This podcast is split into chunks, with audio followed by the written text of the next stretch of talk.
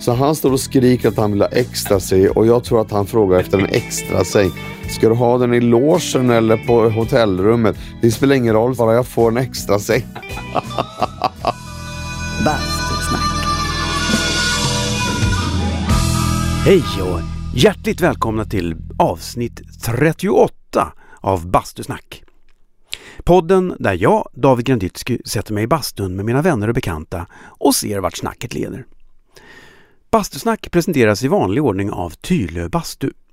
Tylö Bastu är en självklar samarbetspartner när man har en podd som spelas in i bastun. Jag har ju själv ett energisnålt Tylösens Sport bastuaggregat som inte bara är snyggt utan även säkert för mig som har småbarn i och med att ytan är flockad så man eh, minimerar risken att någon bränner sig om man kommer åt det. Och så tar det ju bara drygt 20 minuter för att bli varmt vilket gör att man spontanbastar mycket, mycket lättare. Gå in på www.tylö.se så kan ni se hela deras sortiment från bastuaggregat till bastumössor. Och där, på den sidan, kan ni också konstruera ert eget basturum. Tylös basturumsserie Harmony den kan du designa själv på nätet. Sen kommer allt sammans hem till dig i platta paket som du enkelt sätter ihop helt utan specialverktyg. Och el och ventilation är förberett. Beställ ett redan idag så kanske du kan höra nästa avsnitt av Bastusnack i bastun. www.tylö.se Och sen har ju Bastusnack också en Facebook-sida där jag publicerar lite bonusmaterial ibland. Kolla den! Ni som lyssnar direkt från bastusnack.se ska veta att man också kan lyssna via Apple Podcast, Spotify, Stitcher, Acast och många andra plattformar. Prenumerera där så missar ni inte ett enda avsnitt. I dagens avsnitt gästas jag av festfixarikonen och PR-konsulten Mikael Bindefeld. Om ni inte känner till honom så har ni förmodligen bott under en sten i skogen de senaste 25-30 åren. Vi hade ett bra snack där vi bland annat hann snacka om så skilda ämnen som barnuppfostran, antisemitism, ecstasy och hur det egentligen gick till när han började fixa fester en gång i tiden. Och mycket mer. Lyssna själva! Bastusnack. Jag gillar ju verkligen att bada bastu och eh, gillar grejen med, med det där är att man är så sjukt upphettad. Ja. Så när man väl kastas i så känner man ju inte att det är så kallt. Det tar ju, man, är ju uppe, man vänder ju nästan i luften. Ja, ja. Så man är ju bara ner och i. Men jag gillar den adrenalinkicken. Ja, Man men, kommer upp och ser bara Ja, men det är något lugn och hela kroppen. Det är fantastiskt. Det är nyttigt också. Tyvärr så, så eh, är min man inte lika förtjust i verken att bada bastu. Det tycker han är för varmt och vattnet är för kallt. Ja, men ja, då får du komma hit och basta. Ja. Du, jag har, eh, jag Mm. tänkte, ja, jag har en inledande fråga. Mm. Har vi börjat nu? Ja, vi har börjat. Vi Mm. rullar hela tiden. Mm. Eh, jag brukar avslöja folk som låtsas att de känner Hans Marklund när de relaterar till honom som Hasse. Hur är det med dig? Om man säger Micke, är, det, är du Mikael? För jag ty- tycker folk ofta säger Mikael. Alltså folk får säga vad fasen de vill. Men grejen är så att jag tror faktiskt att det där är en Stockholmsgrej. Jaha. Eh, I Göteborg var det, äh, var det i alla fall aldrig, jag är från Göteborg, det var aldrig någon som sa Micke i Göteborg. Någonsin. Eh, där säger man Mikael. Ja. Mikael.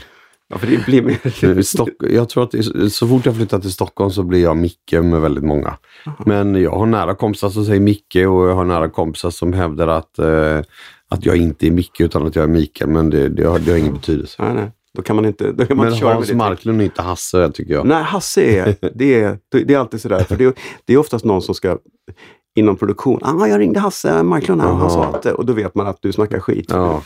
Det, Nej, men de får, jag, kan, jag, jag är gärna Micke om man tycker det. Jag, tyck, jag, jag säger inte Micke själv om jag ringer upp. Så säger Nej. jag inte hej det är Micke Bindefeld. Nej, det gör jag Nej. nej. Ja, men då får det vara Mikael. Ja. Du, jag, har, jag tänkte, jag har en, en, nu har jag ställt fram lite blåbärhallon här, men jag har en vana att bjuda folk på svårtugg, saker som, inte, som man egentligen inte ska äta framför en mikrofon. Jag skulle precis säga det, sånt som inte gör sig i Ja. mikrofon. Och då tänkte jag, eftersom du nu är pappa, Ja. jag tänkte att, Välling. nej jag skulle, jag, jag, jag hittade här förstår du.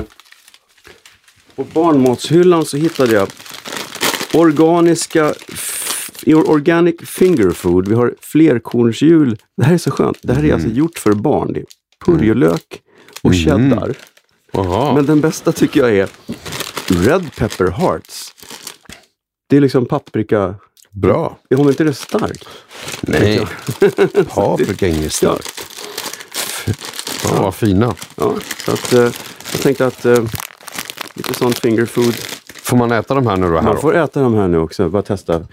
Vi är otroligt så här particular, vad heter, vad heter det på svenska? Väldigt Petiga. petiga och noggranna med vad ehm, vi äter själva, men framförallt vad Simon äter. Ja, Och då är vi inte mycket för så processad mat. nej. Vi lagar liksom mat själva, riktig mat. Ja, Eh, Riktigt bra mat med bra råvaror och eh, ja, men, vi tycker inte att det är något jätte, jättejobbigt att laga mat till honom. Vi lagar mat till oss själva och så äter han samma. men Typ. jag tror det är en bra grej för då vänjer man barnen. Då blir de... Jag, jag har kompisar eh, med thailändskt ursprung och de, deras barn äter ju starkt. Ja. Som mina barn, ett av mina barn käkar starkt. ja, men det De säger folk så här, vill- ge honom vitlök. Ja, men det är klart vi Ja. gör. Alltså inte hela vitlöksklyftor, men han äter samma mat som vi gör och älskar liksom eh, lite stark köttfärssås och, Ja. Och sådär. Så att vi är noga med vad vi ger honom. Jag tror det är jättesmart för då kommer han att bli mindre. Han kommer ju såklart att komma in i en period där han bara äter snabbmakaroner och ketchup ändå. För det gör de. Han får gärna äta ketchup, men då blir det pappas egen ketchup. Ja. Han får inte äta köpt ketchup, det är bara socker. Jag gör egen ketchup på egna tomater. Det är bättre. Nej, men jag, jag tycker att jag gör världens bästa ketchup och det tycker Simon också. Ja, vad bra. Ja. Jag har, och så har jag ytterligare, jag tänkte, jag, jag gör mig till lite här. Jag gör mig till. Jag Mm. Men tänkte- det här var, det här var bra Ja, tycker det här jag. gott. även om de är liksom processade ja. och allting så, så står det ändå att, de, att det är organiskt. Så att det här kanske kan slinka ner någon gång. Det är, lite, det är lite som ostkrokar med smak. Eller inte ostkrokar, majskrokar. Men hur har du gjort med dina barn med lördagsgodis och såna grejer? Det, de får lördagsgodis. Och sen då vi får man bara äta det på tuffa. lördagen? Ja. Det, vi är ganska tuffa med det. Om man det inte ätit upp det på lördagen, då får man inte fortsätta på söndag. Nej, Nej. det får man inte. Då hivas det. I, nej, man kan spara det till nästa lördag. Ja, just det. Men man äter det bara på lördagar. okej. Ja, det är lite sådär. Jag har den här devisen vad gäller socker och alkohol. Alltså Mm. tandläkarna tycker att eh, äter du socker en gång i veckan och Mm. borstar tänderna, inga problem. Eh, alkoholläkarna säger ju tvärtom. Det är ju dummaste du kan göra att liksom hälla i dig alkohol en dag i veckan. Såklart. Men ett glas vin om dagen, det är en helt annan sak. Så det får dina barn? Ja. och de sover som små änglar. Nej, vad hemskt. Men jag kommer ju från ett hem där min, min mamma var tandsköterska. Ja. Och eh, vi hade ju liksom ett absolut sockerförbud hemma hos oss. Jag tror att jag kanske var sju år första gången jag åt choklad överhuvudtaget. Wow. Så att eh, vi ska väl se om vi lyckas med det. Men ehm, eh, mycket frukt och mycket grönsaker Mm. men inget socker och inget godis än så länge. Men sen blir det väl svårt att stå emot kanske. Ja, när det blir kompisar. Men hur gammal är han? Han är inte så gammal Ett och ett halvt. Ja. Jag tänkte på det sen när han började plugget. Ja.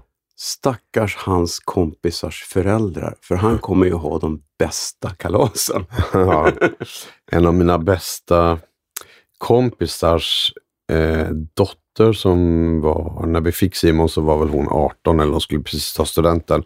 Och när hon såg på Instagram och visade mamma att vi hade fått en, en liten kille så sa hon, alltså mamma, fattar du vilka jävla feta studentfester han kommer att ha? Fast det är Ja. långt kvar.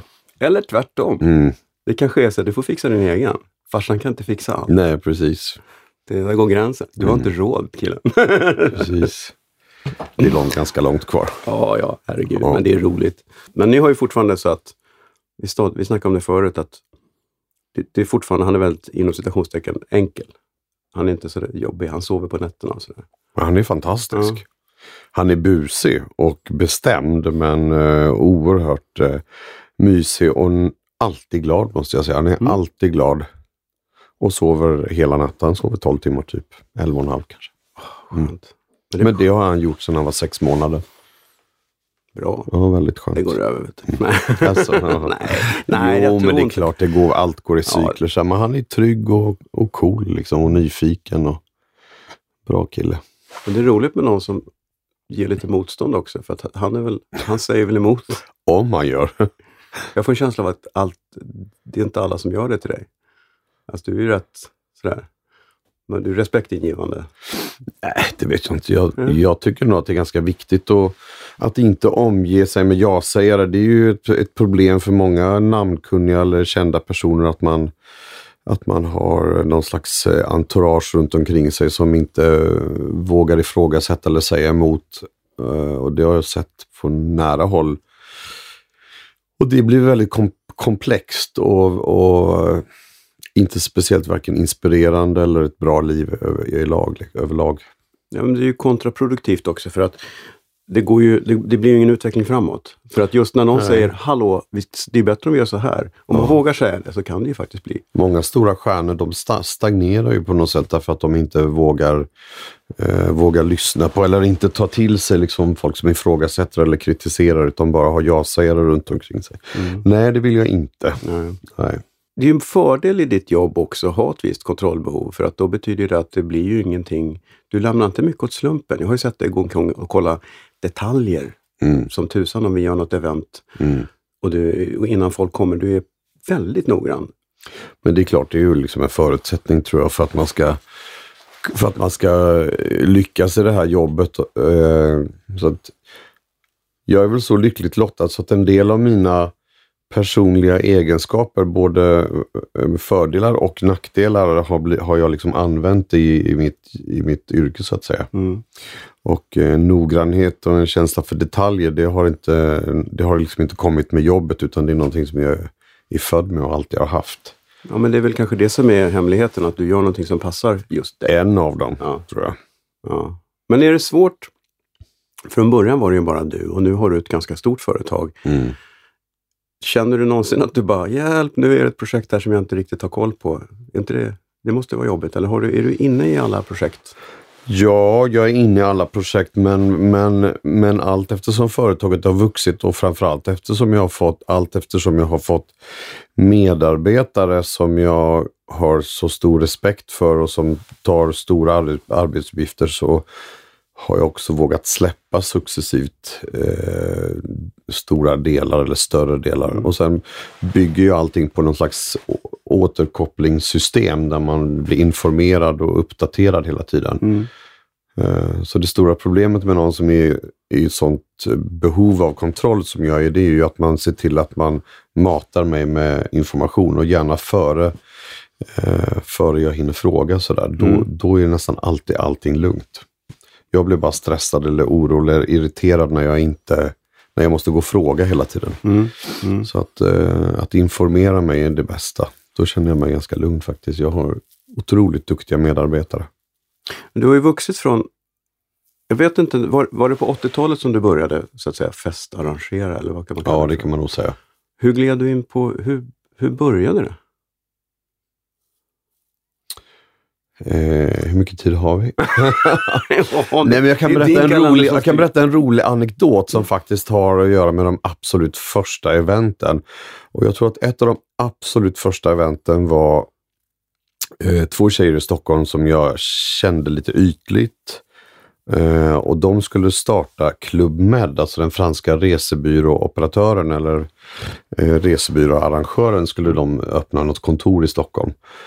Och eh, då ville de göra någon typ av fest och jag bodde ju i princip på Café Opera på den här tiden så att jag kände ju liksom alla på Café Opera och, och lyckades, vilket var helt unikt, lyckades abonnera hela Café Opera för den här lanseringen. Det hade aldrig hänt tidigare att man hade stängt Café Opera för någonting. Så att bara det i sig var en stor grej. Jag tjatade mig till det där jobbet. Jag låg på knä för att jag skulle, jag, jag visste att jag skulle göra ett bra jobb tyckte jag. Sådär. Ja, och så gjorde vi den här festen och alla var där. Och eh, då ringde, eh, någon dag innan så, där, så ringde en av mina bästa kompisar då, som jag umgicks jättemycket på den tiden, Susanne Ljung, journalist, och ringde om mig. Så sa vet du vad? Roman Polanski kommer till Stockholm och eh, vore inte det hur coolt som helst om han kom till, den till din fest? Eh, Jag känner en kille som heter Peter Jansson som jobbar på, på Warner Brothers. Om du ringer honom och hälsar från mig eh, så kanske han kommer. Och jag ringde till Peter Jansson och presenterade mig och förklarade vad det var för fest jag skulle ha. Och han var mer än måttligt, eh, eh, kanske inte dryg, men ointresserad i alla fall. Väldigt ointresserad. Och eh, det slutade med att jag i alla fall sa att eh, Är det så att ni ångrar er så skriver jag upp eh, dig och, och Roman Polanski och sex personer till i dörren så är ni välkomna om ni har lust. Nej, vi ska till polska ambassadören och det finns inte utrymme för några andra saker. Dagen efter festen så är det alltså löpsedlar på, från båda Aftonbladet och Expressen, mittuppslag i båda tidningarna. Och det var så här, eh, eh SAS Karlsson dansade med Lili och Susie eller och det var någon sån där SAS Karlsson eh, festade med Jannike Björling eller något sånt där. Och så var det hela mittuppslaget med massor med bilder. Medans Roman Polanskis besök i Stockholm renderade en liten, liten svartvit notis på nöjessidorna längst bak i bara Expressen. Då ringer Peter Jansson till mig. Och, så säger han, nej men jag såg i tidningen att det var otroligt lyckat och var kul och han var betydligt trevligare än vad han hade varit en vecka tidigare. Och så berättade han att eh, jag ska precis börja jobba med lanseringen av en av de största filmerna här i år som heter Who Framed Roger Rabbit. Eh, har du lust att komma och titta på filmen och se om vi kanske kan göra någon premiär tillsammans? Så så började det faktiskt. Och sen har det bara fortsatt. Det var faktiskt så det började.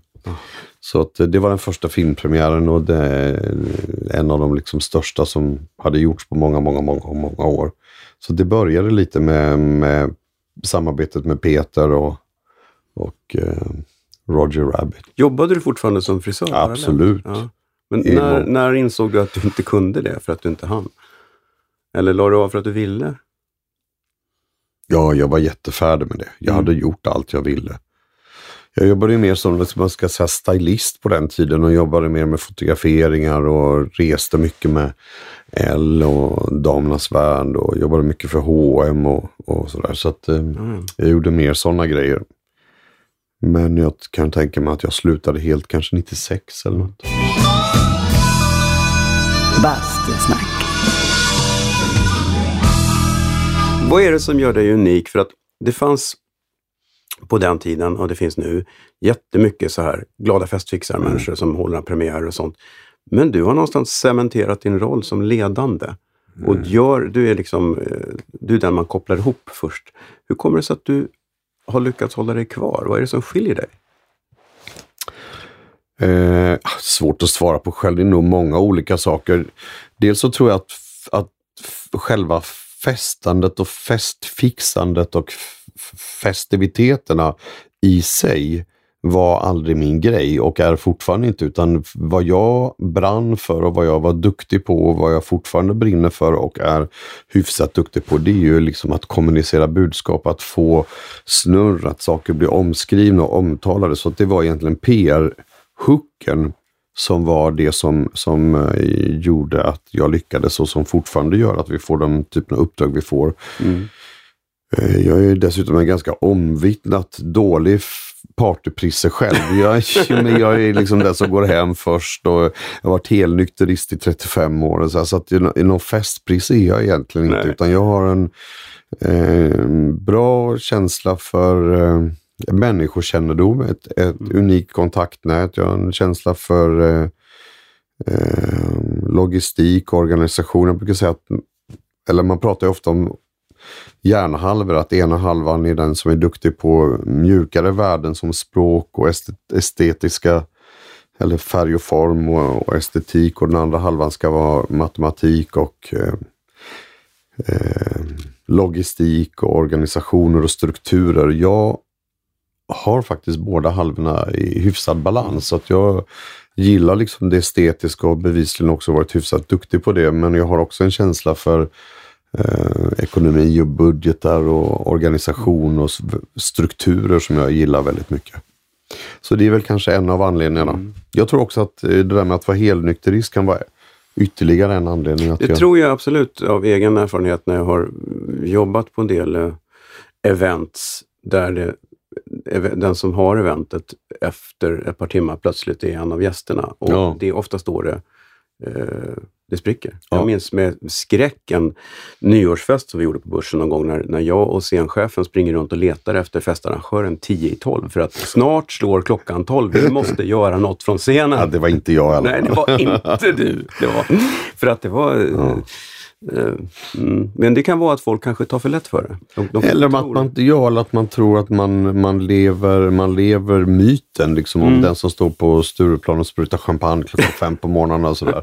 Och jag har liksom aldrig gjort det utan jag har alltid sett det som ett jobb och varit eh, hemma i tid och eh, alltid varit på jobbet tidigt på morgonen och sådär. Så att eh, jag ser det inte som en livsstil utan som ett arbete. Mm. Men du är också bra på att sätta ihop rätt mix. För det är ju aldrig så att den här klassiska, åh jag känner, jag känner Micke, kan inte, jag, kan inte han bjuda mig på festen? Jag tycker oftast det är ju, Mm. du har förstått vad kunden vill ha. Är det, är det en, en, en, någon filmpremiär med en viss nisch så, så, så är publiken också, Skräddarsydd ja. ja. Nej, men varje kund förtjänar liksom en helt unik gästlista och vi är väldigt noga med det där och sätta ihop rätt typer av gäster och kan också försöka argumentera och diskutera med kunden vad vi tycker är, är bra och vilka gäster som passar och sådär. Får ni göra det ofta? För, eller för, har ni en kund som kommer in och säger, åh så vill vi ha Björn Borg vi vill ha det och det och du säger att ja fast nu är inte det här riktigt hans. Har det hänt att du får övertala kunderna om att ni måste nog titta åt en, ett annat Nej, vi övertalar aldrig utan vi kommer bara med åsikter och förklarar vem det här är och varför och sen är det alltid i slutändan kunden som bestämmer. Alltid. mm. Det är aldrig vi som bestämmer vilka, vem eller vilka som bjuds eller inte bjuds utan det gör i slutändan våra uppdragsgivare. Men vi kan ha åsikter. Ni kommer alltid upp med helt unika inbjudningskort. Mm. Som är, det, det kommer mm, askar med God knows what och det kommer uppfällbara små jävla rispappersskärmar. Och det kommer, hur, hur, hur, hur kommer ni fram? Har ni spånmöten? Hur fan lyckas ni förnya det där varje gång? Det är ganska kul tycker jag. Ja, men det är nog eh, en, en kärlek till budskapen och hur man förpackar budskap och berättar berättelser. Eh, och, pappersval och materialval och orden och hur man uttrycker sig är också en del i berättandet. Mm. Eh, och någon gång har jag sagt att festen börjar redan på hallmattan och det, det ligger någonting i det också. Man, man skapar förväntningar och förtroende och sådär. Det gör man genom eh, hur man kommunicerar. Jo, men man får en känsla av vad det är för, sorts, vad det är för typ av fest redan när man ser uh, inbjudan, tycker jag. Ja, det var bra för det är Det- meningen. Ja, det men jag har ett vagt minne av att du skickade ut någon sorts inbjudan där det fanns något pulver i kuvertet eller Ja. det var som läckte ut samtidigt som det var folk som skickade gift till... Vilket minne du har. Jag vet inte, var det så? Nej, ja, eller nästan, men Ja. i alla fall inte. Men, nej, men det var, vi gjorde en grej för Åhléns. Eh, det var någon eh, sommarvisning och vi skickade ut ett, eh, ett jättevackert kort där Åhléns logga, om jag inte missminner mig, var liksom i, i finkornig sand. Alltså man, man trycker loggan i lim och sen så strör man över sand Ja. som fastnar. Och när man lägger det här i ett kuvert så är det liksom några sandkorn som släpper från limmet. Så att i botten på kuvertet så låg det liksom lite sandkorn. Och då hamnade de här inbjudningskorten precis veckan efter 9-11. Alltså när det gick så antrax, Just det. antraxvarning över världen att folk skickade ut antraxpulver. Just det. Och då hamnade eh, de här kuverten, för när man lyfte på kuvertet så skramlade man, hörde liksom att det var något pulver i Mm. eller någonting. Det var sand, sandkornen. Och då tror jag att det var så att de hade skickats till Expressen och DN och de skannade alla, alla kuvert för att se att det inte kom in någon antraxförsändelser. Eh, jag vet inte vad det heter på svenska. Antrax. Mjältbrand. Mjältbrand. Precis, tack. Och då fastnade det där och då gick det ut via TT. Mm. Och så var det på nyheterna på radion klockan nio på morgonen. Över, över, alltså, över hela Sverige pratar man om den här eh, mjältbrandsförsändelsen från Åhléns. Så det var ju inte så bra PR i och för sig. Och då säger att det är bara namnet nämns så är det bra PR, även om det är... Ah, alltså, det, blev, Ja. det, blev, det var ju förfärligt både för eh, kunden och det var förfärligt för att eh, skräcken som alla levde i att det skulle skickas mjältbrandsbrev. Men, men det blev ju ändå liksom med glimten i ögat Ja. till slut eftersom det inte var något. Bastusnack. Har du gjort något event som du kände att det här borde jag inte ha gjort? Det här gick inte alls. Nej, det har jag faktiskt inte. Eller också är det helt enkelt så att jag inte har den eh, knappen påslagen. Jag är liksom inte gjord för att tänka tillbaka och ångra Nej. saker. Jag gör inte det. Jag har Nej. aldrig gjort det. Jag tänker inte att jag borde ha gått en annan väg eller jag borde ringt den eller jag borde ha eller varför gjorde jag inte. Utan jag är mer så här, ja men jag valde den vägen och jag lärde mig säkert någonting på det. Så jag aldrig, det låter väldigt förnumstigt, Mm. Ja, jag vet. det är en men- god egenskap också. Men jag blir aldrig liksom bitter därför Nej. att jag känner aldrig att jag borde ha gjort massa andra saker. Jag känner mig mer tacksam och stolt över att jag har gjort de vägval jag har gjort. Men jag funderar inte liksom på saker som har gått fel. Det är klart att det har hänt incidenter. Jag minns ju någon av Sagan om ringen-premiärerna när brandlarmet gick och ingen på, ingen på festlokalen visste hur man skulle stänga av den. Det var ju så här hyfsat jobbigt. Eller Ja. TV4s invigningsfest. När ölen tog slut mitt i natten, det var inte heller så jättebra. Så, det är klart att det har hänt Mm. sådana där saker, men det är inte så att jag går omkring och eh, Nej, det. grämer mig över saker som jag inte borde ha gjort eller så. Nej, det gör jag inte. Tror du att om du träffade den 22-årige Micke eller den 17-årige Micke, Mm om han ser dig, hade han, trodde han att det var det här han skulle göra nu? Eller vad trodde han? Nej, det trodde han, det trodde, det, det trodde han inte. Eh, nej, men jag var hungrig och sugen och ville massa saker. Och, och det fanns ju naturligtvis en massa saker i min personlighet som man kan se bakåt. Att jag var liksom en, eh, en jävel på att organisera saker och var den i klassen som ordnade grejer. Och när jag pluggade i USA så var det liksom jag som ordnade och fixade och vi hade så internationella weekends och det var sponsorer och det var, jag ringde alla tidningar och fick liksom, eh, då var jag 17 år så att jag hade det där jag i mig det. på något Ja. sätt. Inte så att eh, det kom från ingenstans, det tror jag.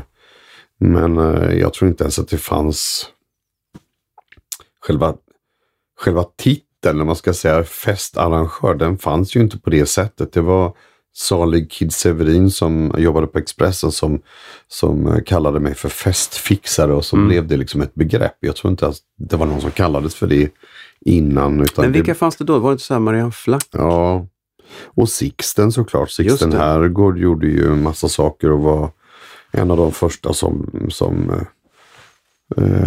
ja, på något sätt så ska jag säga, tog hand om mig lite när jag kom till Stockholm och bjöd mig på alla möjliga saker och jobbade med mig lite. Och sådär. Men hur, om man backar lite grann. Mm, I Göteborg, du är, du är ur-göteborgare. mm. Ja.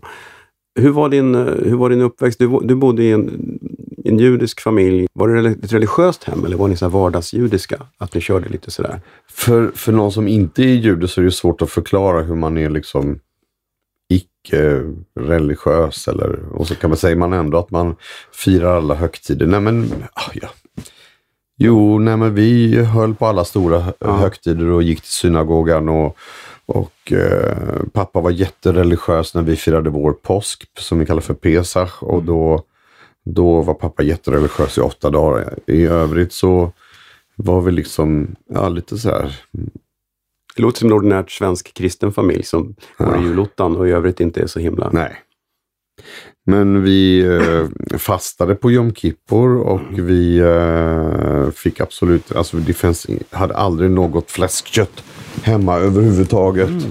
Och pappa skulle få fullständig panik om det kom någon korv med, med, med blandkött i så där hem. Det var, gick inte. Det var superkors. Men däremot fiska kräftor och, eller framförallt hummer gick ju väldigt bra. Så att man kunde välja lite hur, vad man ville. Ja, Men det är som någon brukar säga att det är, judendomen är så bra för det finns många regler men inga straff. Nej. Det Nej, men det, är lite, det stämmer faktiskt. Man kan säga det med glimten i ögat, men det är också väldigt sant. Därför att eh, var och en är ju ansvarig för sina handlingar och eh, man kan liksom inte eh, man kan inte köpa sig fri från det. Utan man, är, man gör som man själv vill och man tar ansvar för det livet man lever. men, eh, Det var inte, det var inte något skuldbeläggande Nej. på något sätt. men dina föräldrar är födda, när är de födda? Eh, pappa 30 och mamma 34. Ja, de är något yngre. Jag tänker på min, min farsa växte upp eh, på Söder, Mm. född 23. Mm. Eh, och han upplevde kriget Mm. i Sverige och hade ju hade lärare på Södra Latin som var nazister och det var inte så kul. Det gjorde lite att det judiska hos oss var, ju- han var ju inte heller religiös, Mm. Men man höll en... Han hade någon sorts ryggmärgsreflex att hålla låg profil. Mhm. Är det någonting du känner igen från... Med tanke på att din familj också hade folk som försvann i, i, i Tyskland. Ja, men lite kanske, men ändå inte. Eller både och skulle jag säga. Pappa var väl mer sådär när mamma skulle tända ljusen på shabbat på fredagskvällarna. Då ville pappa alltid att vi skulle dra ner gardinerna eller persiennerna och jag frågade alltid vad, vad spelar det för roll? Och då sa han att ja, men det är ingen som har med att göra om vi tänder ljus på fredagkväll. Medan min mamma var precis diametralt motsatt. Det var, jag tror att hon ingöt någon slags stolthet och styrka i mig och min bror där vi eh, vi berättade väldigt mycket om vår judiska, våra judiska traditioner. Vi fick eh, hålla föredrag i skolan varje år när det var påsk och berätta om uttåget ur Egypten och vi fick ta med oss sånt där osyrat bröd och dela ut till alla i klassen. Och, alltså det var, det var mer eh, Vad coolt. precis tvärtom. Så att jag var redan då väldigt liksom stolt över att jag till del hade en annan bakgrund än de flesta andra i min klass och sådär. Så det, var aldrig, det var aldrig något hemligt så, nej det var det inte. Nej. Det var ju väldigt annorlunda på tidigt 60-tal. Det fanns ju nästan inga invandrare. Jag var den enda mörka i klassen. Sen fick vi någon italiensk jättevacker tjej som, det var jätteexotiskt att hon också hade mörkt hår. Så, det var ju väldigt annorlunda då mot hur det ser ut nu. Så att, ja men det var nog lite annorlunda kanske. Men jag hade mina, mina kompisar sen i gymnasiet, de följde med ner till Judiska centret i Göteborg när det var fester där. Och, eh, nej, jag har nog, det har aldrig varit något hemligt så liksom. Hur var du annars i plugget då? Du, jag får en känsla av att du var ganska bra i plugget. Jag hade lätt för mig, men jag slarvade rätt mycket. Eh, satt längst ner, längst bak, längst bak och busade rätt mycket. Och var till och med väldigt, väldigt busig några år på gymnasiet. Ja, okej. Men, eh, nej, men hyfsat bra betyg sådär. Eh, lätt, lätt för att läsa och lätt för att lära, men slarvade bort många skolår tycker jag. Men det är väl lite så när man har lätt för sig att man, äh, man, man jobbar inte så hårt kanske? Eller? Ja, det, det där började redan från början att jag tyckte att jag eh, kunde så mycket när jag började första andra klass, klass att jag Mm. kunde läsa och skriva tidigare än de andra och då så, ja, jag lärde mig liksom inte studieteknik ordentligt utan jag klarade mig ganska bra ändå. Sådär. Mm. Men du är du har inte pluggat på senare år. Du är autodidakt på hela PR. Ja, helt. Nej, den utbildning jag har, jag gick ju något år eller pluggade internationell juridik på halvtid. Och sen så bestämde jag mig för att jag skulle bli frisör så att det blev liksom inga högre studier riktigt. Nej. Och det är väl eh, någon typ av sorg i det eller lite så här att man har någon typ av akademiskt komplex. Att man tänker ibland att, eh, att man har försuttit de chanserna. Och att Det är väl aldrig för hade sent. Kan väl ta en... Fast det är ju det lite. Ja, man kan säga att det inte är det, men det är faktiskt det därför att jag som har haft så otroligt lätt för språk, jag försöker liksom lära mig lite spanska nu. Och eh, tycker att jag är jättebra på det. I, i, i, när, jag, när jag läser meningen är jag duktig, men två minuter senare så är allting borta. Mm. Alltså det, det sitter liksom inte, det fastnar inte Nej, det på är samma sätt som det gjorde när man var yngre. sad to say ett ålderstecken. Jag Ja, men det är väldigt Mm. tråkigt. Så att ska man plugga så ska man väl egentligen försöka göra det innan man fyller kanske 30 eller något. Lyssna nu barn. Plugga. Så så var det i alla fall med pluggandet. Men social, hade liksom mycket kompisar och väldigt aktiv. Jag gjorde alla möjliga fritidsaktiviteter. Jag hade så typiskt, typiskt väldigt ambitiösa föräldrar som ville att jag skulle alltid få spela piano och gitarr till samla frimärken och vara med i Sky. Alltså jag gjorde allt. Mm. Men gör det? Kan du spela fortfarande? Nej, Inte? nej men det var inte lönt. Liksom. Du hade inte den? nej. Jag sålde den där fina gitarren och så finansierade jag någon, alltså, eller, eller mamma och pappa finansierade själva den här språkresan till England men jag eh, fick, fick pengar. Mm. Som jag köpte massa roliga platåskor och annat för på 70-talet i, i London.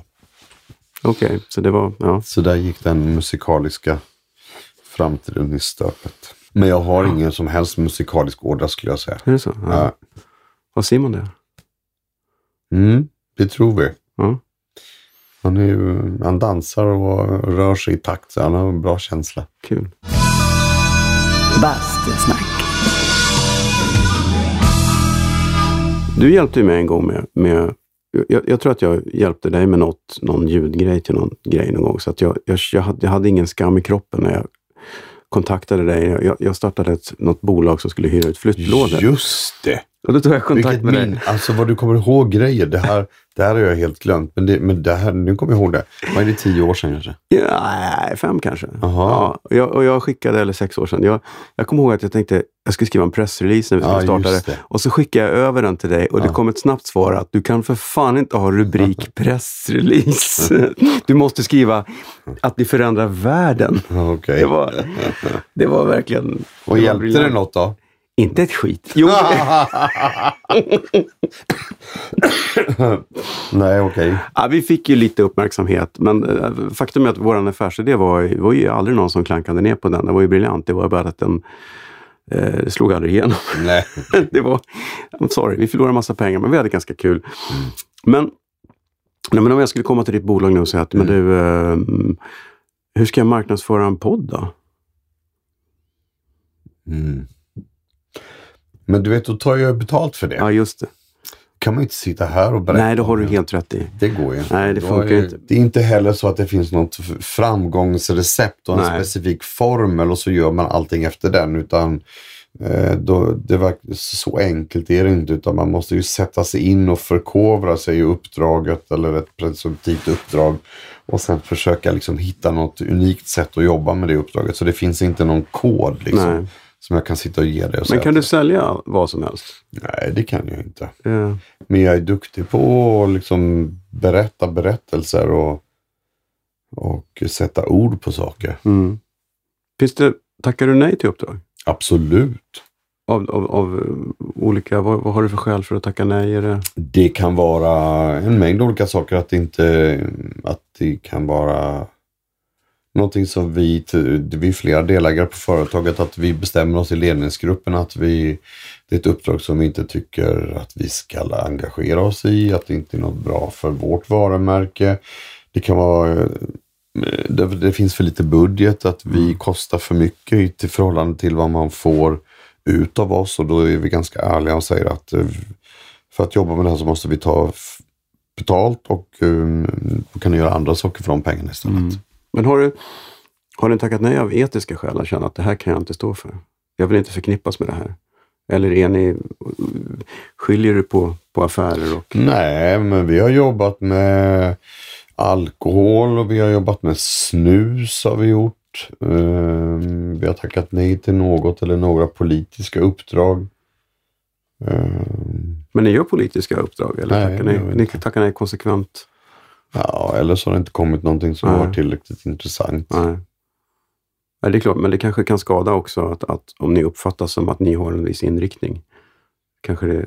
Ah, fast Skrämmer så bort. feg får man inte vara tycker jag. Man får liksom, vi som företag har ju inte någon, någon politisk hållning och medarbetarna kan ju tycka eh, olika, ha olika röst annorlunda än vad jag gör och Mm. sådär. Så det, det är inte så att vi som företag har någon politisk färg. Nej. eh, Och det tycker jag inte att vi ska ha heller. Bastusnack. Du växlar ju, eller de senaste åren i det offentliga livet kan man säga, så har du växlat från det ytliga och glättiga på Mm. premiärer och sånt till det djupt allvarliga i, i jobbet med din fond. Tyckte du att det var svårt att få folk att förstå allvaret i Minnesfonden? När du är en stiftelse. Ja, stiftelse. Ja. Att få folk att känna seriositeten i det när du, din image Jaha. innan dess var det här glammiga, festfixar, lättsinniga. Att plötsligt kommer Micke med en, en lite tyngre sak på, på allvar. Men äh, återigen, jag bryr mig inte så väldigt mycket om vad folk tycker och tänker. Jag, jag tänker inte på mig själv utifrån ifrån hur andra tänker på mig. Så det där har inte ens slagit mig in faktiskt. Mm. Jag har inte ens tänkt i de termerna. Eh, jag har ju alltid haft en, en, en, ehm, fäbless för det allra ytligaste och allra kitschigaste men också haft en, eh, en förankring i, i liksom kultur och litteratur och, och, och, historia som jag har känt mig trygg med. Så det är ju sån som jag är. Mm. En, en komplex person med många olika bottnar liksom, och som bejakar alla dem. Så för mig har det aldrig varit något konstigt och om andra uppfattar det så, så ja då Mm. är det ju mer som de... jag, nej, jag, jag har inte ens tänkt i de termerna faktiskt. Jag tycker också med de här fyra åren vi har visat vad vi gör och lyckats få ett enormt genomslag för stiftelsens arbete och berätta liksom, eller finansiera berättelser om förintelsen på ett sätt som inte har gjorts förut. Mm. Eh, Det, är det någonting som du har... Gick du fundera länge på det där? Har du gått och burit på Ja. känslan av att man måste eh, göra någonting? Ja, väldigt länge. Jag och eh, min man Niklas, vi var på en eh, resa till Polen. En organiserad resa som ordnades av Svenska kommittén mot antisemitism. En fantastisk resa till eh, Ja, vi var på fem, sex eller till och med sju olika dödsläger och Warszawa-gettot. Vi var i Sobibor och Treblinka och Auschwitz. Och, ja, men, inte för att försöka förstå, för det kan man inte, men kanske för att försöka lära sig lite mer. Och när jag kom hem från den här resan, det är nog kanske tio år sedan, så kände jag så otroligt starkt att jag eh, eh, ville engagera mig själv och göra någonting för att de här berättelserna skulle leva vidare även när de här sista överlevarna inte finns kvar längre. Och det tog många år innan jag hittade liksom en ton för hur jag ville göra saker och eh, jag lyssnade på en del eh, vänner som jag har som, som då inte jag säger utan som säger vad de tycker och, och säger emot mig och frågade dem vad de tyckte och sådär. Och landade i, eh, eller eh, idén hade jag själv men eh, jag fick lite hjälp på traven med vissa saker. Mm. Och sen är det också rent juridiskt så att det tar tid att starta en stiftelse. Mhm. Eh, Nu krävs mycket advokater och det är, alltså det är stora, mycket pengar. Jag donerade fem miljoner kronor så det är ändå liksom ett stort grundkapital. Om mycket som skulle göras med det. Eh, Så att nu har vi delat ut pengar fyra år i rad. Mm. Och vi delar ut, i år delar vi ut 400 000 kronor och tidigare har vi delat ut 300 000 kronor. Som i kulturvärlden är rätt, en rätt ansenlig summa Mm. pengar. Och eh, vi delar ut den den 27 januari då som är det som på engelska kallas för Holocaust Memorial Day eller Mm. Förintelsens minnesdag. Det var den dagen som Auschwitz befriades. Och eh, vi tycker också att vi har hittat eh, relevanta och viktiga projekt och olika typer av projekt som, som berättar berättelserna på olika sätt och når stora grupper av människor, olika typer av människor. Så att eh, det inte glöms bort och Nej. att nya generationer och ungdomar framförallt eh, lär sig mer om förintelsen.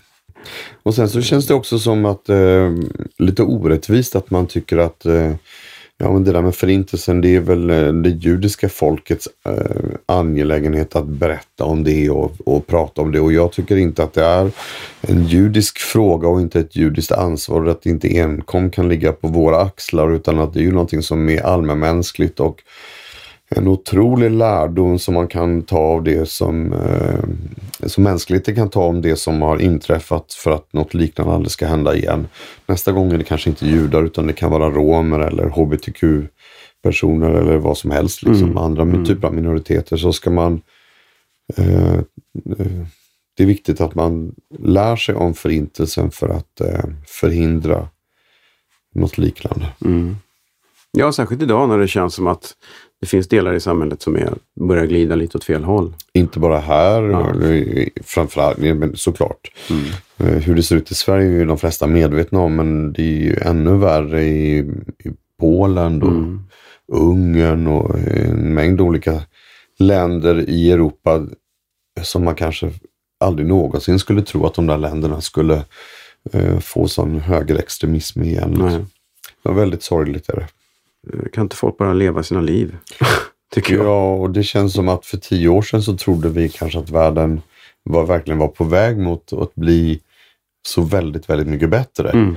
Och nu känns det som att eh, saker och ting kan gå väldigt, väldigt illa och Mm. bli väldigt, väldigt dåligt för väldigt många. Vad hände liksom? Ja. Mm.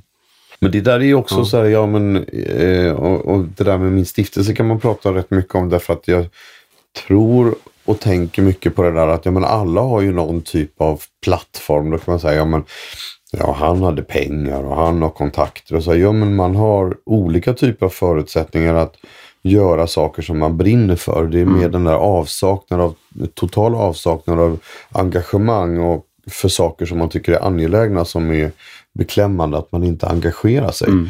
Man har, alla har sin möj, någon typ av möjlighet att göra skillnad Mm. i det lilla.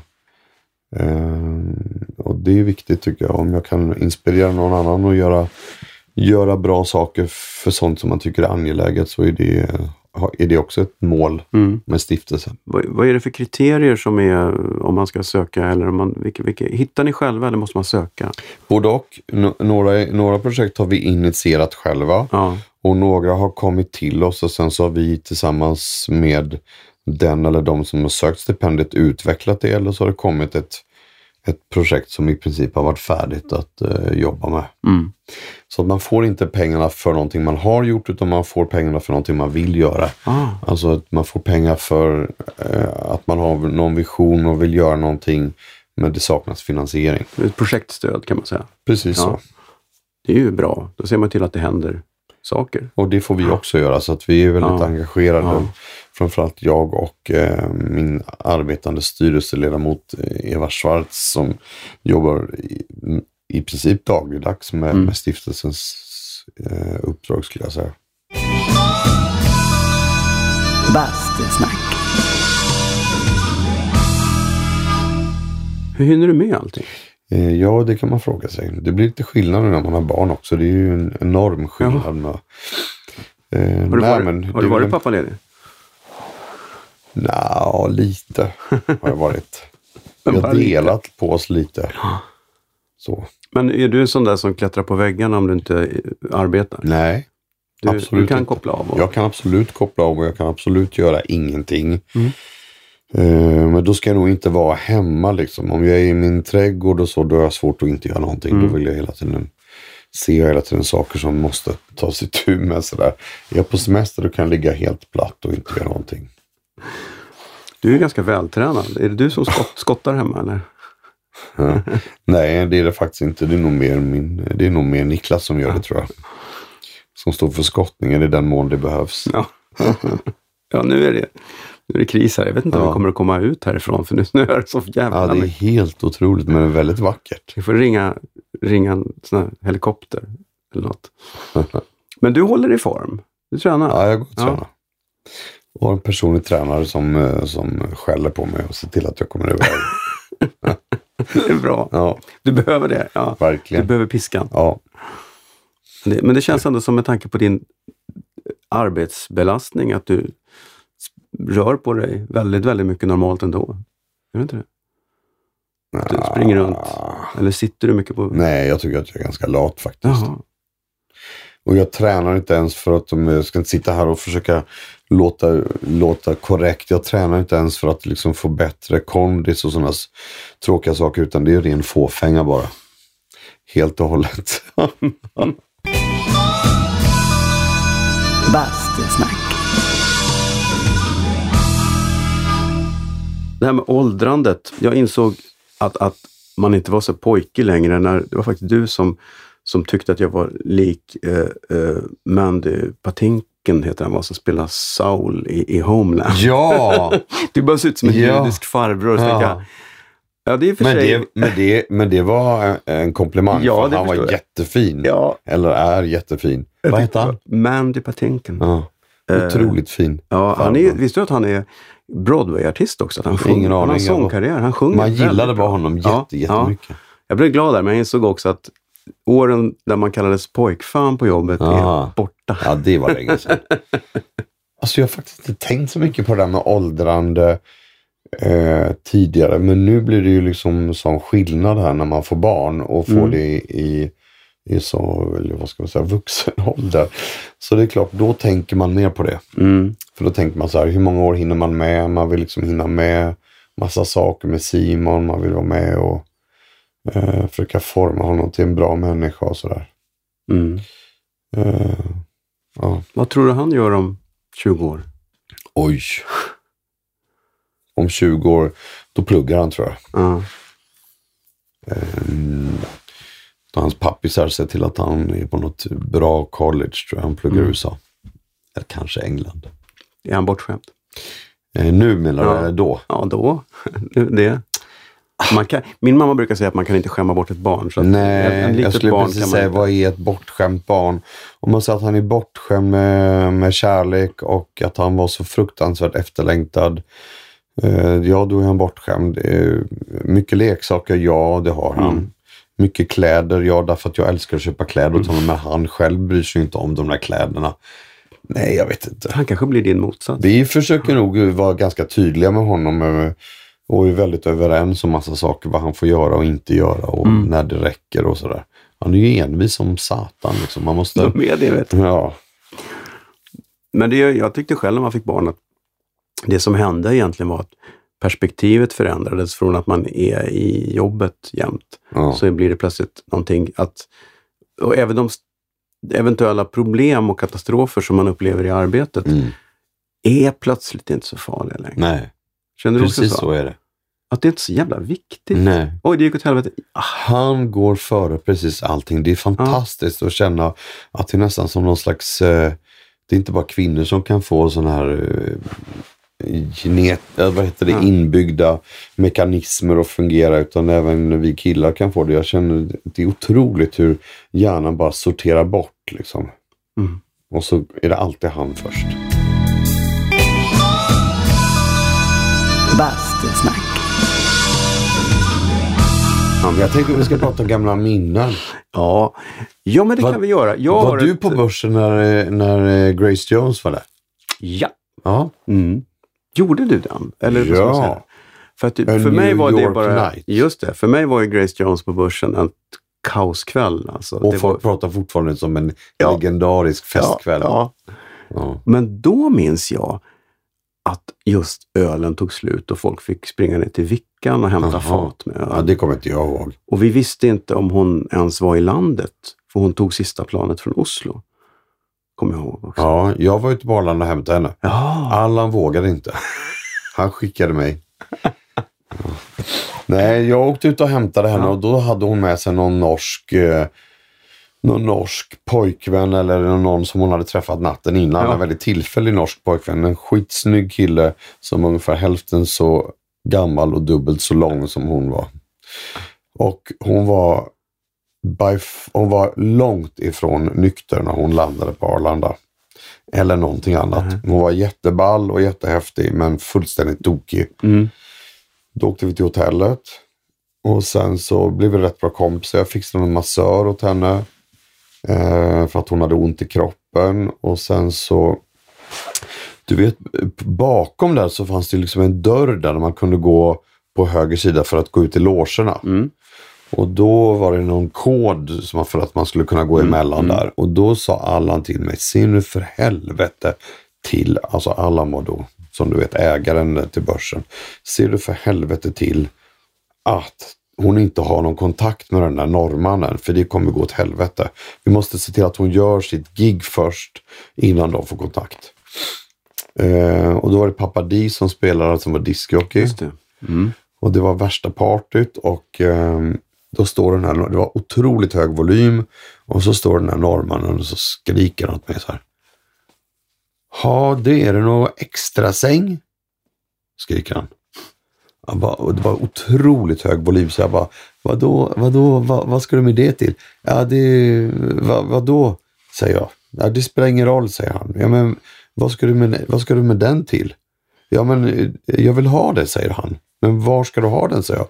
Ska du ha den i logen eller på hotellet eller vad ska du ha en extra säng till? Då stod vi där i tio minuter och jiddrade om vad han skulle ha en extra säng till. Och vad han egentligen frågar mig då är om jag kan fixa ecstasy. Och jag vet inte ens vad det är tror jag. Det här är 25 år sedan. Jag vet inte ens vad det är. Så han står och skriker att han vill ha sig och jag tror att han frågar efter en extra sig. Ska du ha den i logen eller på, hotell, på hotellrummet? Det spelar ingen roll säger jag, bara jag får en extra sig. Så, så där har du någon som min, mina knarkvanor och knarkkunskap. Det är väldigt roligt. Ja, men Det var ju en kaoskväll. Fy fan. Det, Men var, det hon- var roligt, hon, men... Vi fick ju inte av henne på scen. Hon stod ju hon höll ju på i timmar. Ja, hon slutade upp Johan Hellström. Han var uppe och, och, Och dansade. eller? Mm. Och hon, och Hon hade hade väl med sig den där eh, brors... Nej. Hon hade någon den där som hon kallar för sin bror som inte var sin. Ah, Men jag kommer ihåg att vi Nej, satt det på var- andra våningen där uppe och då var klockan fyra eller fem på Ja. morgonen. Jo, men jag minns nämligen att det var någon husdiskjockey som gjorde misstaget att, att säga hej, jag går hem nu. Ja. Och blev såklart uppdragen, nej du ska inte gå hem, du ska ju spela plattor här uppe. Aha. De höll på, vi höll ju på att bygga om nere på scenen för vi skulle göra After Dark med Anders Berglunds storband dagen efter. Så att vi körde ju nonstop. Och så var det en vild fest där uppe. Och, och Roger, våran långa blonda scenkille som vi hade, han, honom hade ju hon fått span på. Så att eh, han fick ju inte vara med och bygga om för han skulle ju vara med på festen. Hon var galen. Ja. Ja, det var länge sedan. Those Allt, allt är länge sedan. Men sen så gjorde vi ju... Gjorde jag ju After Darks... Eh, 20 år va? Ja, vi gjorde den här med, då gjorde vi hela PR-kampanjen och, och eventet, men framförallt hela PR-biten för After Dark med Lasse var Anna Nicole va? Just det. Och Christer var Pamela. Det var, det Var det spe- 20 år? Ja, Ja. ja. när de var Och tapetserade. sen gjorde vi Wilson och Nilsson och vi gjorde massor med grejer där. Mary Wilson, det Ja. var ju en speciell människa också. Ja. Krånglig. Ja, hon, hon var lite i dimma hela tiden. Hon var skitbra på första repet Ja. och sen så gick hon in i någon sorts... ja. Men det- hon, gjorde en, hon blev stjärna i Sverige tack vare vårt PR-jobb. Ja. För att ha varit liksom en bakgrundssångerska i en kort period i The Ja. Supremes så Ja. blev hon superstjärna Men det var en oerhörd marknadsföringskampanj. Det var ju verkligen Det var vi som eh, överallt. Ja. jättemycket Ja. med det. Ja. Och sen gjorde vi, ja, vi gjorde massor med grejer där åt börsen ett tag. Engelbert Humperdinck var där en Gjorde kväll. du, du gjorde Humperdinck Ja. också. ja. Det var en till kille som inte riktigt var vid sina sinnesfulla bruk, vad jag minns. Alltså, Han hade solbriller på sig hela tiden och Ja. så var det hans kapellmästare som hade någon necessär som han gick runt med hela tiden som skulle in i logen. Ja. Ja.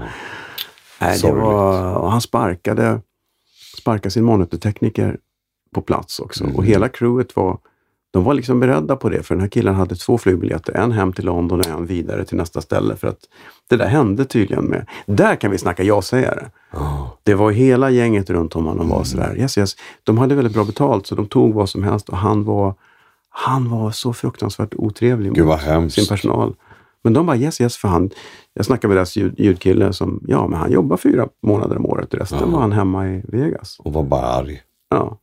Men kommer du ihåg också Ehm, ett av de största och starkaste minnena från, från Hamburg Börs, det är ju ändå ehm, eh, Frank Sinatra, Sammy Davis och eh, Liza Minnelli.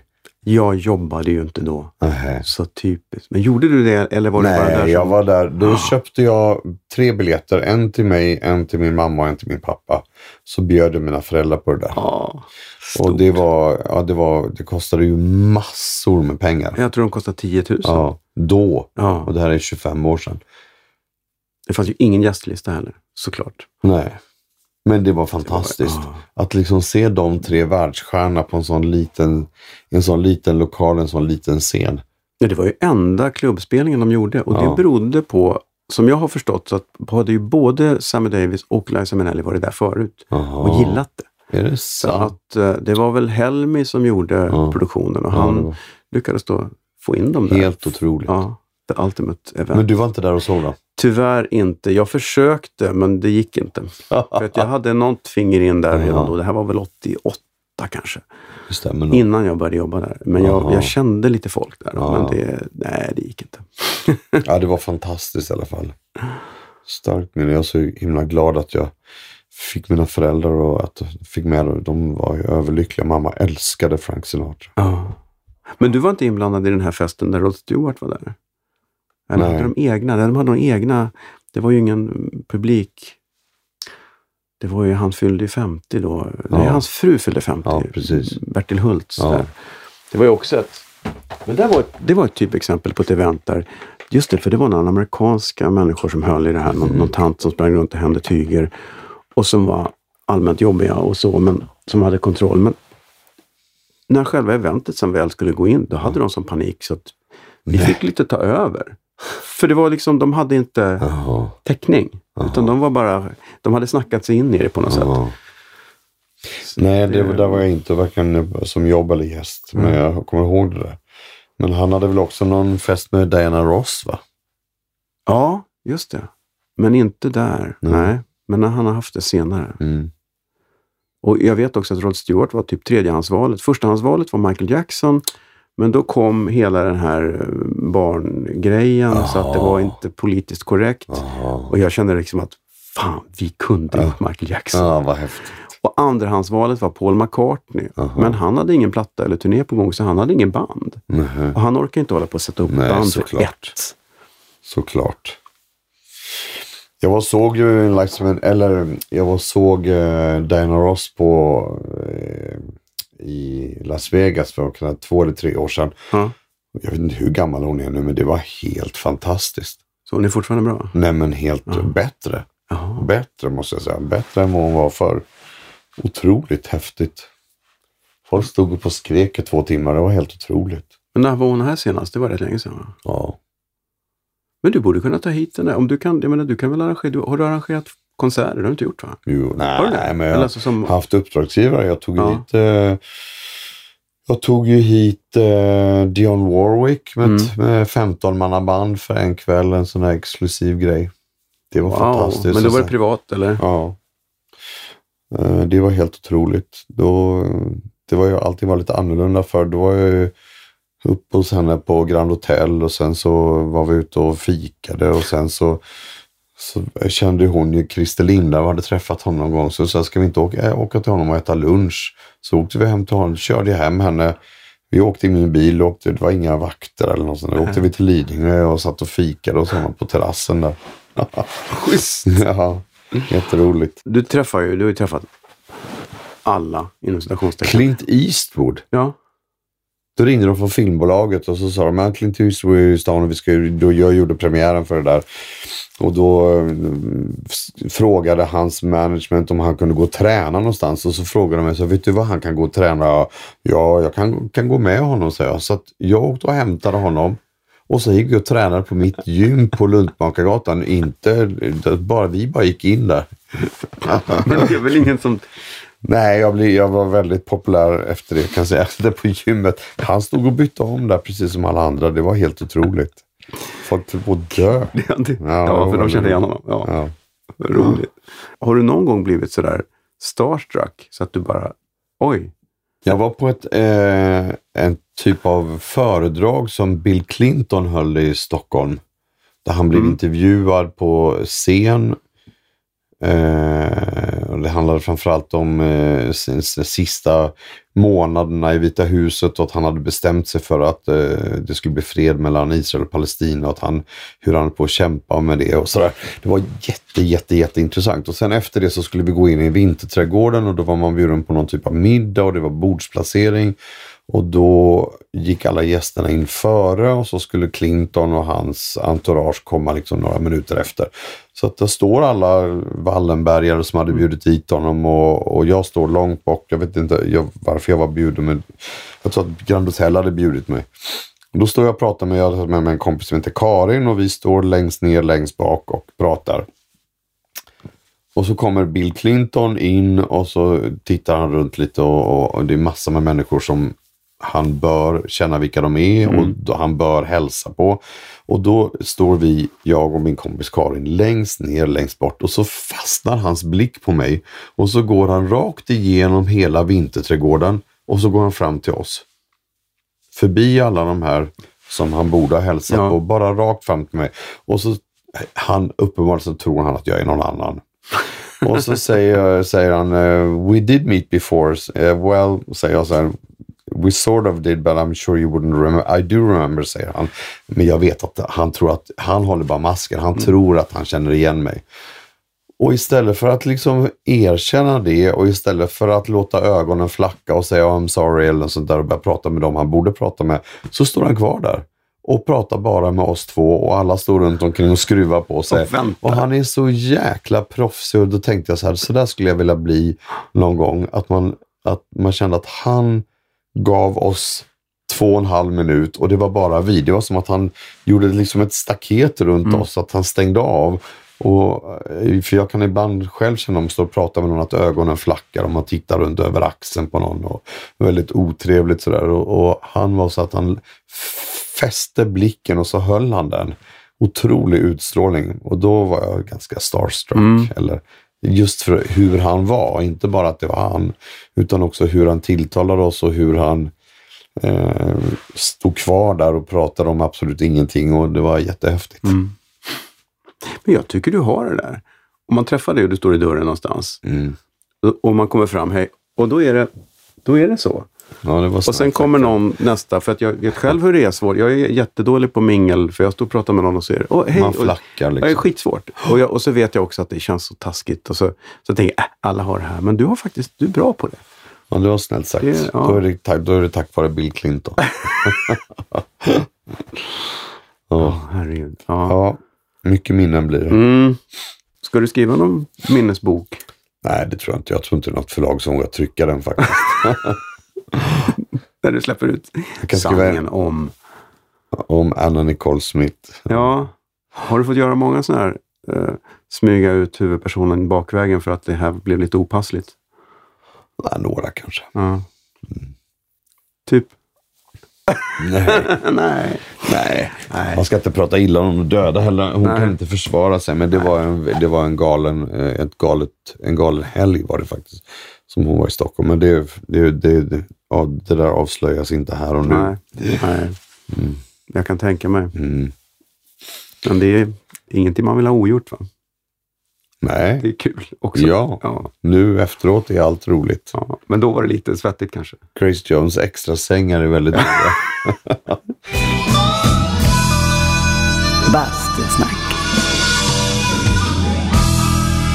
Vad glad jag är att du ville komma hit. Tack för att jag fick. Nu återstår bara den här isvaken. Ja. Hur känns det tycker du? Men du sa ju tidigare att du faktiskt gillar det. Eller? Eh, det ja, jag mest- gillar bara bastu. Jag, är inte så här, jag har badat isvak och eh, jag har till och med gjort så här snöänglar och grejer. Ja. Någon gång. Vi får väl se vem som kommer först. Ja. är du en kåpa eller? Det, Nej. min granne Petter brukar säga att det svåra är inte att komma i, det svåra är att komma upp fort nog. Ja. Eller som Niklas säger, man måste vända i luften. Ja, precis. ja, Tack så hemskt mycket för att du Tack kom hit. för att jag väldigt fick komma glad. hit. Tack Ja. snälla. Tack. Bastusnack. Tack för besöket! Och jag måste säga att jag ser faktiskt fram emot den där boken någon dag med alla detaljer om exakt vad Anna Nicole egentligen hade för sig den där gången. Och tack till vår sponsor Tyle Bastu. Gå in på tyle.se och shoppa loss på lite bastumössor och bastukiltar. Ja, allt ni kan behöva för att basta som ett proffs hittar ni där. Surfa in på tyle.se och kolla själva. Vi hörs igen nästa vecka med en ny spännande gäst. Till dess, basta försiktigt!